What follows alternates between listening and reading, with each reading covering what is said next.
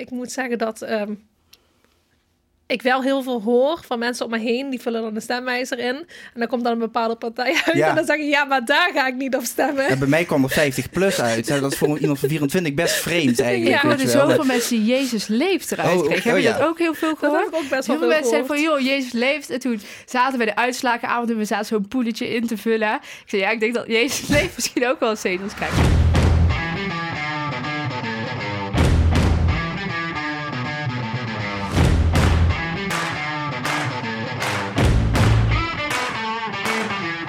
Is 7 april en dus hoog tijd voor eh, weer een nieuwe aflevering van Eerste Hulp bij de podcast van Omroep PNM en Bibliotheek Maas en Peel. Ja, de provinciale statenverkiezingen liggen inmiddels alweer een tijdje achter de rug. Eh, De balans is opgemaakt. En ja, jij en ik houden het dan op verkiezingsdag waarschijnlijk alleen bij een bezoekje aan de stembus. Maar ja, hoe beleven politici zelf die verkiezingen nou eigenlijk? Nou, daar hoop ik in deze aflevering achter te komen. Want eh te gast zijn vandaag Anne Wesseling van D66 en Misetta van Rooij van het CDA. Leuk dat jullie langs wilden komen. Dankjewel. Leuk Bedankt dat voor ze de uitnodiging. uitgenodigd waren, Ja. inderdaad. Anne, jij wordt eh, namens D66 eh, actief in de Provinciale Staten. Heb je er zin in? Heel veel zin in. Ja, nee, volgens mij gaan we een hele mooie periode tegemoet waar we heel veel eh, uitdagingen hebben. Dus eh, ik kan hard gaan werken voor onze provincie. Ja, en je zei net al even, je, bent, je wordt de jongste, hè, word je? Ja, ik word jongste, jongste statenlid ben ik in de, in de huidige provinciale staten. Dus dat voelt wel als een extra eer om, eh, om daar nou een plaats te mogen nemen en onze jongeren te mogen gaan vertegenwoordigen. Ja, spannend ook wel, kan ik me voorstellen. Ja, heel spannend. Want je zit natuurlijk toch allemaal tussen wat oudere mensen. De gemiddelde leeftijd ligt volgens mij rond de 50. Dan voel je wel een beetje het jonkje van de club. Dat Ja. wel. Wel super knap. Ja, Wat dankjewel. eh, voor, jongen in, voor jongen inbrengen, toch? ja, dat is heel belangrijk. Dat denk ik wel inderdaad, zeker voor de doelgroep ook natuurlijk. Misetta, jij bent al eerder te gast geweest in, in de podcast Ja, die we natuurlijk hebben gemaakt over politiek. Dat was toen een aanloop naar de gemeenteraadsverkiezingen. Eh, toen zat je onder andere bij eh Bart Nelis aan tafel. Ehm, Ja. Want jij zit ook in de gemeenteraad van Pillemaas, toch? Klopt, ja. Ik eh, zit op dit moment in de gemeenteraad. En eh, ja, precies een jaar geleden gekozen voor eh, CDA Pelemaas. En eh, tot nu toe bevalt dat heel erg goed. Heel leuk. En ja, ik hoop dat ik er nog even mee door kan gaan. Ja. Nou ja, je zei in die aflevering onder meer dat jongeren zich niet altijd bewust zijn van het feit dat zij de toekomst zijn. Is daar het afgelopen jaar iets in Ja, goed opgelet, veranderd? zeg. Ja, ik, moet Ah, nee, dat is, ja, dat is nog steeds mijn ja, opinie wel. Maar ja, jongeren zijn wel de toekomst. En eh, hoewel ik er wel in geloof dat ehm, iedereen zo zijn eigen wijsheid heeft en levenservaring, vind ik het wel leuk dat jongeren vaak een andere kijk hebben op eh, bepaalde onderwerpen. En eh, ja, ik vind dat ze het ook wel van zich mogen laten horen. En dat gebeurt gewoon te weinig. Soms wel, Ja. ja. Nou, hopelijk gaat deze podcast daar ook weer iets aan bijdragen. Maar de liefde voor politiek is ook mede ontstaan omdat je moeder ook politiek actief is, toch? Dat klopt. Ja, hoe Ja, zit dat precies? Ja. Ehm, nou, mijn moeder is, ehm, heeft de vorige raadsperiode in de gemeenteraad gezeten, ook bij het CDA. En ehm, ja, eigenlijk altijd wel eh, met politiek wel bezig geweest. Ze heeft ook een kledingzaak in het centrum van Panningen. Zit eh, in centrummanagement. Dus eh, mijn moeder heeft altijd te maken gehad met veel verschillende mensen en vond het ook heel erg leuk. En ja, vanuit daar is mijn interesse in de politiek ook een beetje ontstaan. Ja, beleven jullie dan eh, die verkiezingen ook gewoon samen? Ja, tuurlijk wel. Ook ja, al- vooral toen ik eh, zelf verkiesbaar was. En eh, ja, nu voor de provincie was het evengoed ook spannend wat er ging gebeuren. Ja, dat kan ik me voorstellen. Ja, levert dat dan nog wel eens wrijving op, zo onderling? Nou ja, binnen het gezin ehm, bespreken wij veel politieke onderwerpen wel aan de keukentafel. Ja, En ja, als meningen verschillen, dan... krijg je wel een wrijving ja, natuurlijk. Ja. ja. Oké. Anne, over die verkiezingen gesproken. Wat eh, vind je van de uitslag? BBB is bijna overal de grootste geworden. Ja, dat, ik, ik, vo- ik vond het wel best wel bizar. Super knap natuurlijk dat ze overal, eh, of bijna overal, de grootste zijn geworden. Ehm, ik ben in ieder geval heel blij dat we nu als grootste, als, als grootste partij wederom wel eh, een middenpartij hebben zitten. Want eh, we hadden natuurlijk in eerste instantie als we naar de peiling keken gedacht dat het PVV zou zijn. En dan ben ik wel blij dat er nu een, middenpartij is die de grootste is gebleken. En ik denk eh, dat we met name een, ver- een verschuiving zien over de rechterkant. En dat links wel gelijk is gebleven. En als D66 zijn we ook gelijk gebleven. Dus zelfs nog een kleine verkiezingswinst heeft zich niet uitge uitgevoerd in extra zetels. Maar laat wel zien dat de kiezer wel vertrouwen in ons heeft. heeft gehouden en net iets is toegenomen. Dus dat is heel fijn. Ja, hoe was dat voor jou, uh, Misetta, toen dat je hoorde dat BBB de grootste werd? Ehm, ja, ik moet zeggen, de provinciale staten staan iets verder van mij af, omdat ik nu zelf niet mee heb gedaan. Maar uh, ja, ik ben heel benieuwd hoe ze het gaan doen. En uh, naar mijn mening zijn het allemaal uh, mensen die midden in de samenleving staan. Dus ik denk dat dat wel goed is voor de provincie als ja, BBB nu de, dat BBB nu de grootste is geworden. Ja, ja, en daar kunnen ze volgens mij bij iedere provincie wel over meepraten. Want het is zo'n beetje wel unaniem. Hè? Dus dat is, dat is op zich volgens mij best ook wel bijzonder gewoon in de Nederlandse politiek, toch? Dat het zo unaniem is. Ja, ik denk het wel. Maar dat is toch... ja, de kiezer heeft gekozen en heeft hun stem laten horen. En de kiezer heeft altijd gelijk. Ja, dan, daarom hebben we democratie. Hè? Ja, nee, kiezer heeft altijd gelijk. Maar het is natuurlijk ook wel heel erg wennen uh, dat de grootste partij, die nu ook aan zet is overal eigenlijk, een hele nieuwe partij is. Dus ik vind het zelf wel heel spannend uh, om die hele nieuwe ervaring op te gaan doen. Maar ik heb dan ook twee ervaren statenleden om me heen. Ja, het lijkt me heel onwennig om als hele partij met, uh, met tien zetels plaats te gaan nemen. En allemaal nog alles te moeten leren eigenlijk, ja. hoe het daar gaat. Dus ja. dat lijkt me ook wel een hele uitdaging. Ik ben heel benieuwd naar de komende vier jaar. Ja, worden in ieder geval behoorlijk interessant. Dat mag je denk ik wel stellen. Uh, nu ging het om de verkiezingen voor de provinciale staten. Hè, en voor de Eerste Kamer natuurlijk ook. En de waterschappen. Maar ik hoorde heel veel jongeren om me heen praten. Eigenlijk over de onduidelijkheden die er uh, bij deze verkiezingen komen kijken. Hè. Want uh, ja, vooral bij de waterschappen weten mensen dan toch vaak niet waarvoor ze eigenlijk stemmen. Hoor ik dan vaak om me heen. Dat is toch best gek? Ja, ja, ik denk dat ze daar ook echt wel wat werk aan de winkel hebben. Um als land, als maatschappij, dat, dat, dat jongeren, um, maar ook alle andere mensen eigenlijk wat meer politiek betrokken zijn. Dus ik kreeg zelf, uh, toen ik mijn kandidaat had gesteld voor de Provinciale Staten, kreeg ik zelf thuis de reactie van, oh joh, hebben we die ook nog, uh, Provinciale Staten? Ja, precies. Uh, dus dat, dat zegt dan eigenlijk alweer hoe, hoe weinig de gemiddelde, de gemiddelde persoon ervan af weet. van dat hele politieke spel wat in, in Maastricht dan weer speelt voor de provincie en op elke, in elke gemeente. En dan ook nog in Den Haag. Dus... Um, ja. ja. Hoe ga je die mensen overtuigen dan? Nou, ik denk gewoon door blij, het gesprek aan te blijven gaan, waar ik zelf ook wel op heb gelet. En ook op blijf letten, is dat ik op mijn social media heel zichtbaar ben. Dus dat ik in ieder geval mijn directe omgeving zoveel mogelijk probeer te betrekken.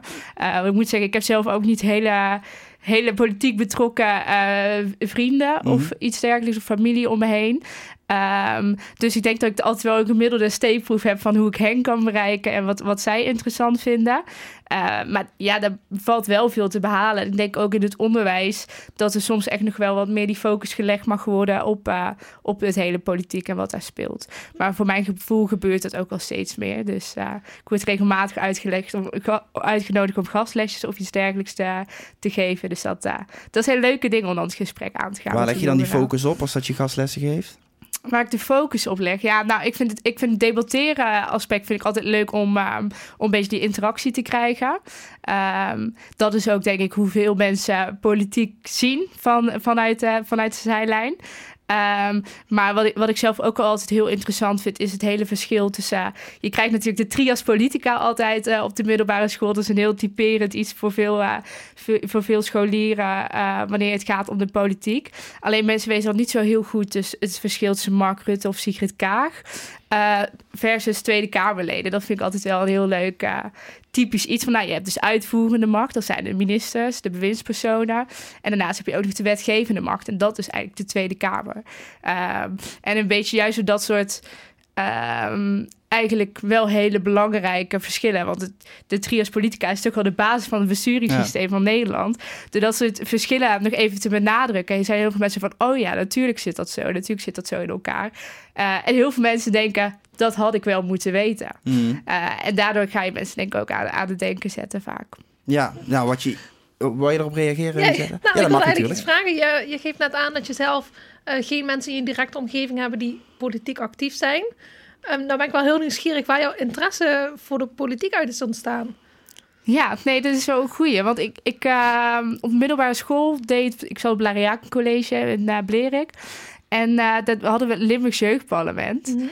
Ehm, en ik weet ze kwamen dat toen ik een keer een presentatie geef, zeiden ze, oh ja, heel vet, zit je een paar dagen zit je in loods met allemaal eh, andere scholieren van andere middelbare scholen. Ja. is gewoon lachen om mee te doen. Nou ja, wel leuk, drie dagen geen school, ga ik eens doen. En eigenlijk is toen op dat moment dacht ik van, oh, ik vind het hele onderhandelingsspelletje eh, en dat hele discussiëren met elkaar, creatieve oplossingen bedenken voor maatschappelijke problemen vind ik wel heel leuk. En toen ben ik debatclubje eh, begonnen met een aantal medescholieren en dergelijke. En toen is eigenlijk mijn politieke interesse alleen maar gegroeid. Ah. Maar ik heb het niet echt van thuis uit meegekregen. Nee. Lijkt me wel lastiger dan, als je er echt helemaal vanuit jezelf in moet groeien. Ja, maar het- omdat ik zo jong was, eh, toen met, met dat Limburgs Jeugdparlement en zo, is dat gewoon heel rustig aan ook gegaan. Ja, Dus precies. ik heb me heel lang op de achtergrond gehouden. En nu eigenlijk met de provinciale statenverkiezingen was het voor het eerst dat ik me ook echt op, naar die politieke voorgrond een beetje uh, treden. Dus uh, Nou, wel goed bevallen dus. ja, zeker. Ja, kijk, dat is mooi. Nog even, hoe, hoe denk je eigenlijk over stemwijzers? Ja, vind ik soms lastig. Want ik heb dus ook ehm, vanuit namens D66 heb ik dan verschillende stemwijzers mogen invullen. Wat mensen er vervolgens uitkrijgen. Mhm. Maar soms heb je wel net behoefte om, om wat meer uitleg te geven. Dus eh, dan had je stelling uh, Maastricht-Aken Airport Ja. moet open blijven. En heel veel mensen denken dan, oh nou ja, wel handig. Kan, mocht ik een keer via Maastricht vliegen, Ja. Hebben we daar een vliegveld zitten.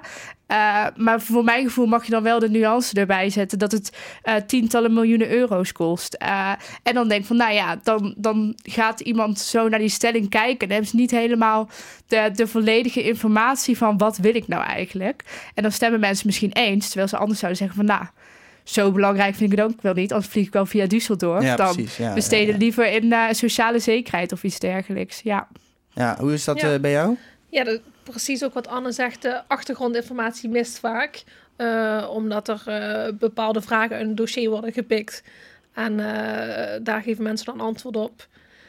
Maar ik moet zeggen dat ehm, ik wel heel veel hoor van mensen om me heen. Die vullen dan de stemwijzer in. En dan komt dan een bepaalde partij uit. Ja. En dan zeggen ja, maar daar ga ik niet op stemmen. Ja, bij mij kwam er 50 plus uit. Dat is voor iemand van 24 best vreemd eigenlijk. Ja, je wel. zoveel mensen die Jezus leeft eruit Oh, kregen. oh, Heb je ja. dat ook heel veel Dat gehoord? heb ik ook best wel Heel veel veel mensen zeiden van, joh, Jezus leeft. En toen zaten we de uitslagenavond en we zaten zo'n poeletje in te vullen. Ik zei, ja, ik denk dat Jezus leeft misschien ook wel zetels krijgen. Want ik hoor van heel veel mensen dat ze dat uit een stemwijzer eh, krijgen. Maar Ja. het- Ja. uiteindelijk Maar- blijkt dat toch ve- veel mensen toch anders Ja, stemmen denk dat er weinig mensen zijn die zich echt 100% laten eh, in, ja, wijzen alleen door de stemwijzer. Ja, ja gezond Dus, verstand heb je natuurlijk ook nog. En iets van jezelf en je eigen eh, beeldvorming Ja, en vorm van meningen. Je kunt jezelf ook laten voeden door de media. En er zijn heel veel andere bronnen waar je eh, informatie vandaan kunt halen om eh, Ja, een goede keuze te maken in het stemhokje. ja nou, ik heb zelf ook drie verschillende stemwijzers eh, ingevuld. En die van de waterschappen ook. Hè, want nu had je ook nog twee verschillende stemwijzers. Mhm. Die van de verkiezingen en van de waterschappen uiteraard. Maar wat me ook opviel, er zitten een aantal termen tussen. dat ik denk van, wat, moet ik daarmee, weet je wel? En dan kun je vaak op zo'n vraagtekentje klikken en dan zie je wat meer informatie. Maar is het ook niet gewoon belangrijk om zoiets behapbaar te maken voor de doorsnee Nederlander? Ja, ik weet niet of het dat nog niet is. Want voor mijn gevoel is een stemwijzer een best wel een toegankelijke tool om gebruik van te maken. Ehm, maar ja, als ik dat niet jou hoor zeggen, dit is eigenlijk iets heel nieuws voor mij. Oh ja, echt waar? Ja, Ja, ik, ik ben wel eens met je wat je zegt. Ik weet niet of het veel behapbaarder was. Want ik zat bij eh, van stemwijzer de bijeenkomst. Mm. Eh, voorafgaand aan het invullen, er was ook Young Vote. Eh, is iets nieuws de afgelopen paar verkiezingen. En het hele idee is daar om het behapbaarder te maken. Dus wat daar gedaan wordt, is de hele toelating. de, hele toelichting valt weg. Oh ja. Eh, en je kan dus een soort van tinderen van ja of nee, eens of niet eens. Eh, maar het is best wel lastig om stellingen te gaan beoordelen zonder enige nuancering. ja. Eh, want vaak zit die nuancering er wel achter en is juist die heel belangrijk. Dus het is allemaal niet zo heel zwart-wit altijd soms eh, dan lijkt via zo'n stellingen.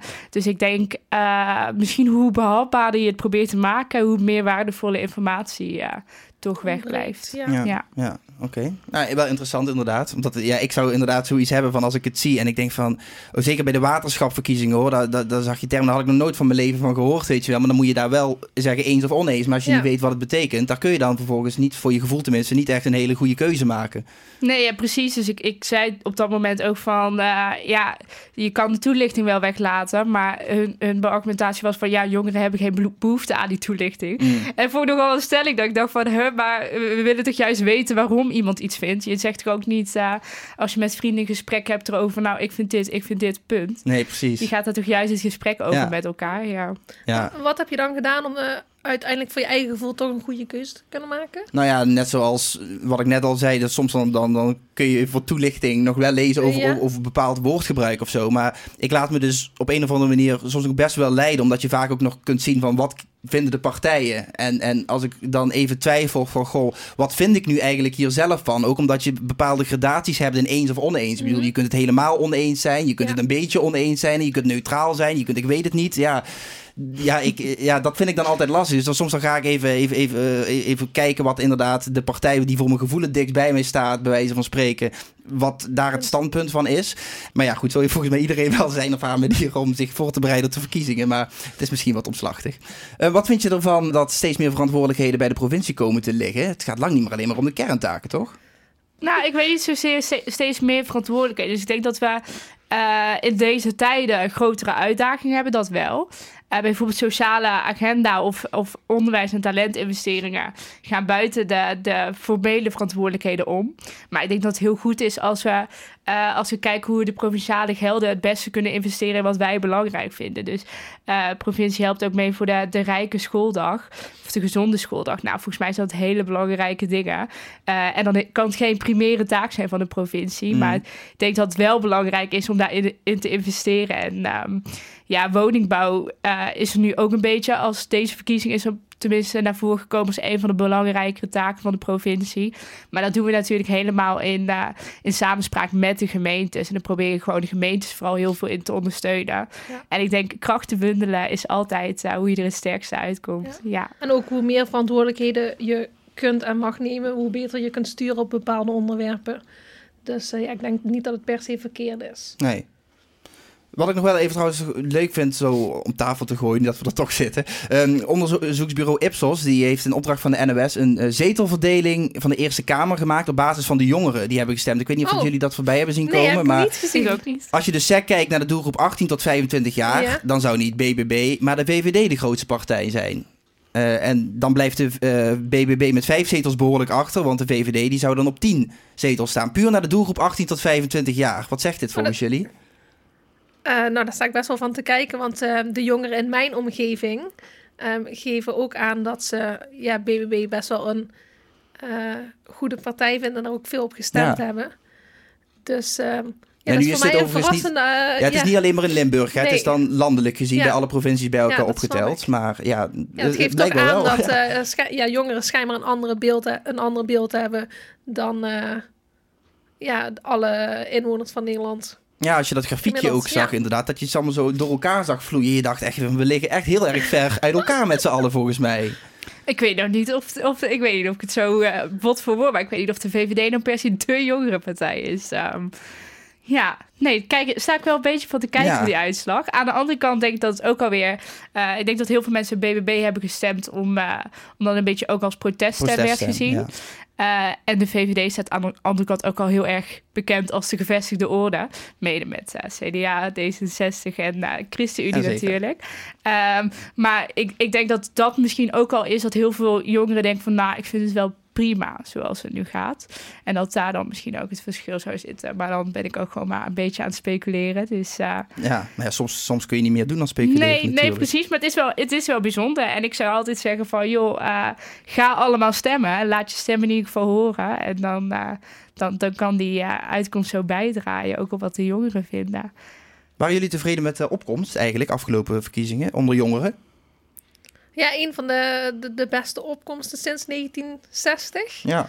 Dus uh, ja, ik, dat vond ik wel goed. Ja, als je die vergelijking maakt ten opzichte van 2019, dan zouden er 150.000 meer jongeren gestemd hebben. En dan puur in de doelgroep 18 tot 35 jaar. Dus Ongelooflijk. Ik kan me wel voorstellen dat dat ook voor jullie een beetje zo van goede moed geeft. Ja. Van we kunnen het wel, zeg maar. De jongeren met z'n allen. We, hè, Klopt, geeft wel, wel extra voor. Ja, toch? Ja, dat er toch uh, nog interesse is en inderdaad animo.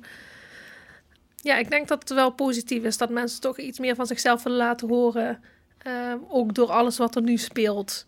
Ja, want op een of andere manier, hoe je het went of verkeerd, we zitten ook nog steeds natuurlijk nog met die veelgenoemde kloof hè, tussen, tussen uh, burger en de politiek. Ik denk dat dat dus inderdaad vooral bij uh, speelt onder jongeren die gewoon wat weinig ook met het thema te maken hebben.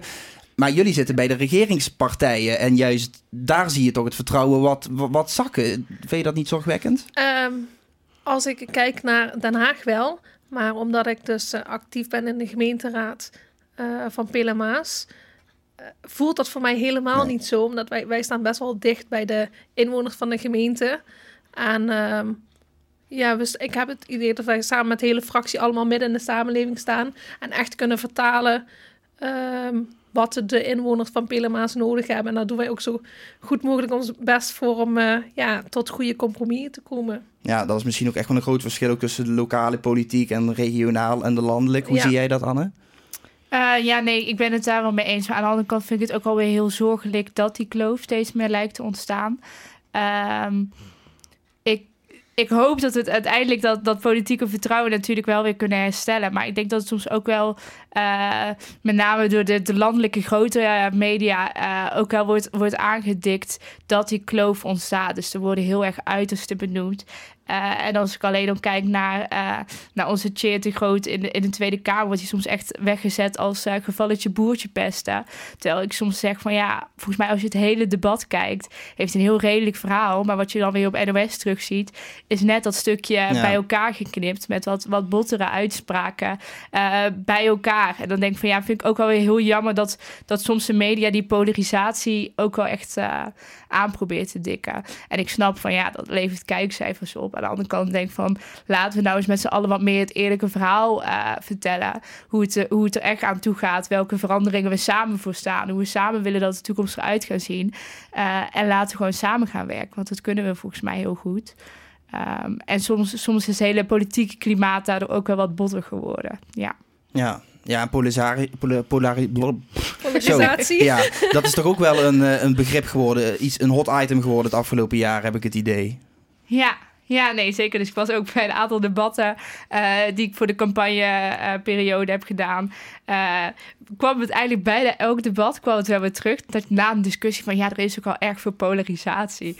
Dat ik dacht van ja, aan de ene kant wel. Aan de andere kant kun je gewoon verschillende meningen hebben. En als je het hele verhaal vertelt, is dat prima. Is juist duidelijk ook voor die kiezer dat er verschillende meningen ja. zijn. Maar voor mijn gevoel gaat het dus echt mis wanneer je mensen tegenover elkaar gaat plaatsen. Wanneer je bepaalde meningen van mensen uh, afkeurt. En zegt dat mensen een bepaalde mening niet mogen hebben. Uh, ja, dan creëer je die polarisatie. En dan uh, ja, ga je groepen tegen elkaar opzetten. En dat ja. moeten we niet doen. Het belangrijkste om iedereen gewoon in een eigen waarde te laten. En alle meningen te respecteren. Ik denk dat als we inderdaad handen in, ons, in elkaar slaan, we toch het verst komen. Ja, nou, mooie boodschap. Maar eventjes terug naar de dag van de verkiezingen. Mm -hmm. um, je ziet natuurlijk altijd mooie beelden uh, voorbij komen van uitzinnige politici. Ja, of juist wat minder uitzinnig als dat je een wat mindere avond hebt gehad. Maar hebben we jou, Anne, ergens ook nog ergens voorbij uh, kunnen zien? Uh... Op de verkiezingsdag zelf? Nou, toen waren we, toen waren we met z'n allen in het gouvernement ik heb het eigenlijk helemaal niet op de tv per se nee, teruggekeken, omdat nee. je zelf bij was ja, natuurlijk. Waarom zou je dat ook doen dan uh, natuurlijk? Wellicht dat, dat, dat je een beeld van mij hebt kunnen zien voorbij flitsen. Ja. Maar herinner me in ieder geval niet dat ik daar een, uh, een bepaalde rol heb Nee, gepakt. precies. Herinner je nog wel hoe het was daar die avond? Ja, ik vond, ik vond het hartstikke leuk. Ik moet zeggen, ik was echt heel zenuwachtig de hele dag. Ja. dus uh, ik, ik zat echt een beetje de hele dag voor me uit te staan. Ik dacht, ja, wat moet ik nou nog doen? Zeg altijd, het is niet zo netjes om te, de verkiezingsdag zelf nog heel actief campagne te gaan voeren. Maar ik had ook vrijgevraagd voor werk. En ik zat, ik zat gewoon thuis een beetje te Netflixen, maar ik kon totaal nergens met mijn hoofd bij zijn. Uh, en toen we dan met z'n allen met alle, allemaal andere zenuwachtige mensen in het gouvernement waren, was het ook alweer heel erg fijn. Ja. ja. Dat kan ik me wel voorstellen. Dan heb je wat, wat lotgenoten om je ja. heen, hè, natuurlijk. Maar D66 heeft het helemaal niet zo per se heel slecht gedaan, toch? Nee, nee, we, hebben, we zijn 0,3% uiteindelijk uh, uh, gestegen in Limburg. Dus uh, ook al heeft zich dat niet in, in, in, zetels uitbetaald, laat het wel zien dat onze stemmer wel gewoon vertrouwen in ons heeft gehad. Dus dat, dat is een heel, heel fijn gevoel. Dus in Limburg hebben we het eigenlijk zeker nog best wel prima gedaan. Ja, ja Misetta, jij zal niet zo'n lekkere avond hebben gehad, gok ik. Maar ja, goed, jij focus je dan misschien wat meer lo lokaal, hè. Dus, maar keek je dan ik nog moet, anders? Ik moet zeggen, uh, voor mij was het best wel een normale dag. Ik heb gewoon gewerkt. eh, uiteraard wel gaan stemmen. Mhm. En, ehm, maar eh, wij hebben vanuit eh, de gemeente en vanuit de fractie eh Malou Absel heel erg gesteund. Mhm. En die heeft ontzettend goed gedaan. Dus we zijn super trots met z'n allen. En eh, ja, we hebben verlies geleden, maar eh, we staan er allemaal wel positief in en kijken vooruit naar de toekomst. Ehm, als het slechter eh, is gegaan, kan het alleen maar beter worden. Dat is ook dus zo. eh, ja, we doen ons best. Ja, hoe verwerk je dan zo'n eh, zo'n nou ja, teleurstellende uitslagenavond? Ja, op de avond zelf is het, is, het is gewoon zuur. Ja, En heel erg jammer. Maar ehm, we zagen het wel aankomen en we waren erop voorbereid. Maar nu doorpakken, Zo. toch? Precies. Ja. We hebben het ook al een paar keer even, even gehad hè, over het, het verschil lokale politiek, regionaal, landelijk. Jij hebt in principe ervaring met beide, nu in ieder geval. Ehm, jij hebt, Misetta, vooral ervaring met lokaal Ja, natuurlijk. klopt. Maar zijn er aspecten die het ene misschien leuker maken dan het andere? Nou ja, ik vind zelf eh, lokale politiek ontzettend leuk. Omdat het gewoon heel dicht bij je staat. Eh, ja, dat, dat, dat maakt het voor mij echt eh, de moeite waard. En maakt dat nog uit in, het, in, in hoe je het beleeft? Ehm, ja, dat denk ik wel. Ja, het zijn toch eh, allemaal dossiers die eh, eh, echt de gemeente aangaan en ook dicht bij je staan. Dus ja, voor mijn gevoel geeft dat toch een andere belevingswaarde mee dan ja, provinciaal of landelijke Ja. dossiers en onderwerpen. ja, jij gaat dat de komende periode ervaren natuurlijk. Hoe het is op regionaal niveau. Ja, nee, zeker. Ik denk dat eh, ze zeggen inderdaad, de provincie staat altijd relatief toch ver van de, van de burger af. Ehm, wat ergens wel, ergens wel heel jammer is. Aan de andere kant denk ik van, nou, de uitdagingen die ons nu, eh, waar we nu voor staan, dus juist die woningbouw oplossen en zo, staat heel dichtbij eh, bij, bij de inwoner. En juist ook wel bij, bij de jongeren eh, is het heel belangrijk voor. Eh, en ook als we naar de hele stikstofcrisis kijken, ja, daar moeten we gewoon veel gesprekken over gaan voeren met elkaar de komende tijd. En ook betreffende de energiecrisis. De grote crux zit hem daar volgens mij gewoon in door samen te gaan praten, samen te kijken van wat is er mogelijk. Ehm, en, en uiteindelijk zijn we daar wel met z'n allen bij gebaat. Dus eh, ja, dat eh, is ook heel belangrijk volgens mij. Ondanks dat het eh, misschien iets verder van, van de burger afstaat. Ja, maar goed, dat zit volgens mij bij zowel D66 als de CDA wel goed, toch? Dat contact met de burger. Ik denk van wel.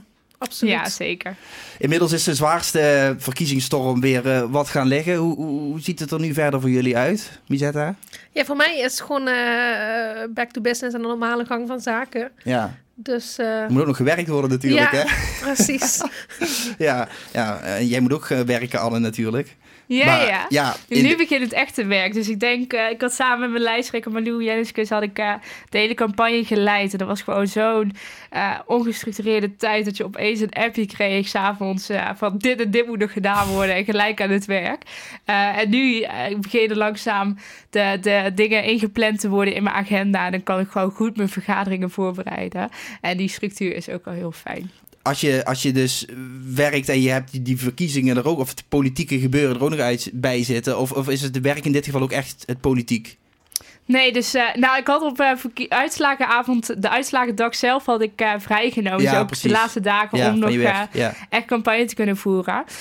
Maar ik werk dus gewoon, nu ben ik vier uurtjes minder gaan werken bij, bij het ministerie van Economische Zaken en Klimaat werk ik. Dus nu ga ik 36 uur werken. Maar wordt nog steeds wel een hele uitdaging. En dan de vrijdagen vrij, want zijn de statenvergaderingen. En in de avonduurtjes voorbereiden. Dus eh, Maar je hebt wel nog vrij tussendoor ook. Leuke dingen, hè, bijvoorbeeld. ik heb weekenden, Ja, oké. soort van. Dat- ja, als, die- er, als er dan niks wat gepland, zeggen, kan als ik dat je, weekenden ja, hebben. ja, precies. Als, als, als ze vrij zijn, dan eh, heb je gewoon een lekker weekend. Hoe ver, eh, want dat is ook heel iets toch even tot slot waarover veel over gesproken werd. Hè? Eh, Deze verkiezingen van de Eerste Kamer, Provinciale Staten, waar- hoe- wat voor invloed gaan die nog hebben uiteindelijk op de landelijke verkiezingen straks? Dan kijk ik Ja. het CDA. Heel slim. Dat, eh, dat, dat zal, eh, zal nog moeten gaan blijken, maar ehm, dat eh, hangt echt- echt af van hoe het het komend jaar gaat zijn en wat de ontwikkelingen gaan zijn. Hoe eh, de burgers er tegenaan kijken en eh, wat ze gaan doen in het stemhokje. Ja. Ik moet zeggen, dat is eh, koffiedik kijken. Ja, nou, wat, mij betreft hoop ik dat, eh, dat landelijk zoveel mogelijk... zijn natuurlijk hele mooie plannen gemaakt. Ik hoop dat we dat gewoon ook kunnen doorpakken. Uh, en toen heeft de, de, de kiezer ook de stemmen uitgebracht.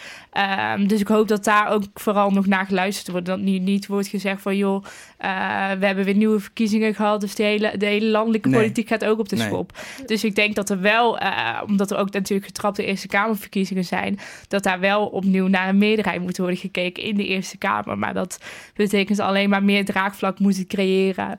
Uh, voor je voorstellen. En volgens mij, hoe meer draagvlak er is, uh, hoe beter de voorstellen worden. Ik denk worden. dat door de verrassende uitslagen uh, dat nu een aantal mensen goed wakker zijn geschud. En ik hoop dat dat toch wat verandering met zich mee gaat brengen. Ja, ja soms is even uh, droppen van een bommetje even nodig om uh, inderdaad tot verandering te komen. Hè? Hey, als we nu jongeren zitten te luisteren en die vinden het allemaal wel heel interessant, uh, of niet, dat kan natuurlijk ook, maar die bijvoorbeeld twijfelen om de politiek in te gaan, um, hoe gaan jullie die dan over de streep trekken? Ja, ik zeg altijd doen. Het, je leert er ontzettend veel van. Het is een persoonlijke ontwikkeling. Um, maar het voelt ook gewoon heel erg goed om iets bij te kunnen dragen aan de samenleving. Ja. ja, ik denk dat het. Uh... Ik zou ook zeggen, meld je vooral gewoon aan bij een politieke partij. En uh, is heel laagdrempelig. Volgens mij kun je gewoon uh, je aanmelden via, via de website. Ja, d66.nl slash ja. lid worden van D66. Oh, even reclame en CDA te maken. natuurlijk. Ja. en bij CDA is er vast eenzelfde linkje te vinden. Um, nee, maar het is heel makkelijk om lid te worden van een politieke partij. En vervolgens word je vaak door lokale afdelingen gewoon benaderd van... joh, vind je een keer leuk om een avondje te komen kijken, een avondje mee te doen? Uh, he, heb je zin en tijd om mee te helpen met bijvoorbeeld campagne? Dus het is allemaal redelijk vrijblijvend. Maar je leert er inderdaad heel veel van. En eigenlijk, um, ja, ik zou zeggen, als jij je politiek betrokken voelt bij een bepaalde partij, uh, sluit je gewoon eens aan en ga gewoon kijken waar, uh, waar ja. je mee mag uh, en kunt bemoeien. Ja. Ja. ja, je hoeft niet per se altijd lid te worden. Je kunt ook gewoon um, jezelf verdiepen in de politiek en um, kijken waar jouw interesses liggen. En het is ook altijd leuk om contact te zoeken met mensen die al politiek actief zijn. Mm -hmm. En daar misschien de, ja, het gesprek mee aan te gaan. Met uh, jullie bijvoorbeeld. Precies. Ja, volgens mij al mijn socials staan allemaal online. Dus je kan me altijd uh, benaderen als je het zo weet. Kijk, we zullen jullie even in de, in de, in de beschrijving van de podcast zetten. Dan uh, ja. kunnen ze jullie allemaal vinden. Hebben jullie nog tips voor jongeren die al actief zijn in de politiek? Ga zo door. Ja. ja, blijf bij jezelf. Dat is een tip die ik wel echt mee wil geven. Blijf bij jezelf. Vorm je eigen mening. En uh, doe gewoon wat voor jou, uh, vooral wat voor jou heel erg goed voelt. Laat je niet gek maken door alles wat er. Uh, ja. Nee, ja. Polarisatie, hè? Ja, nee, ik denk dat, ik denk dat heel veel jongeren uh, vaak denken van... oeh, ik heb, ik heb hier een andere mening over. Uh, misschien moet ik maar luisteren naar de mensen die er ook meer ervaring mee hebben. Maar volgens nee, mij kun je het beste altijd ja. alles uitspreken... en wordt alleen maar nieuwe inzichten worden heel erg gewaardeerd. Dus uh, voel je vooral nooit tegenhouden... omdat je jonger bent dan de rest of iets nee. dergelijks. Vaak, vaak brengt dat juist hele belangrijke inzichten. Ja. Nou, denk ik een mooie boodschap om uh, mee af te sluiten. Dank jullie wel voor dat jullie aanwezigheid. Uh, nou, jou, jij bedankt. Nou ja, goed. Uh, jullie bedankt ook bij de Wereldbalterugdelegatie. ja, zonder jullie hadden deze podcast niet gemaakt natuurlijk. Tegen de luisteraars zeg ik dan alleen nog ja, bedankt voor het luisteren. Volg ons ook op Instagram, youngbeepmp en omroeppnm. En volgende maand zijn we weer terug met een nieuwe aflevering. Dus graag tot dan.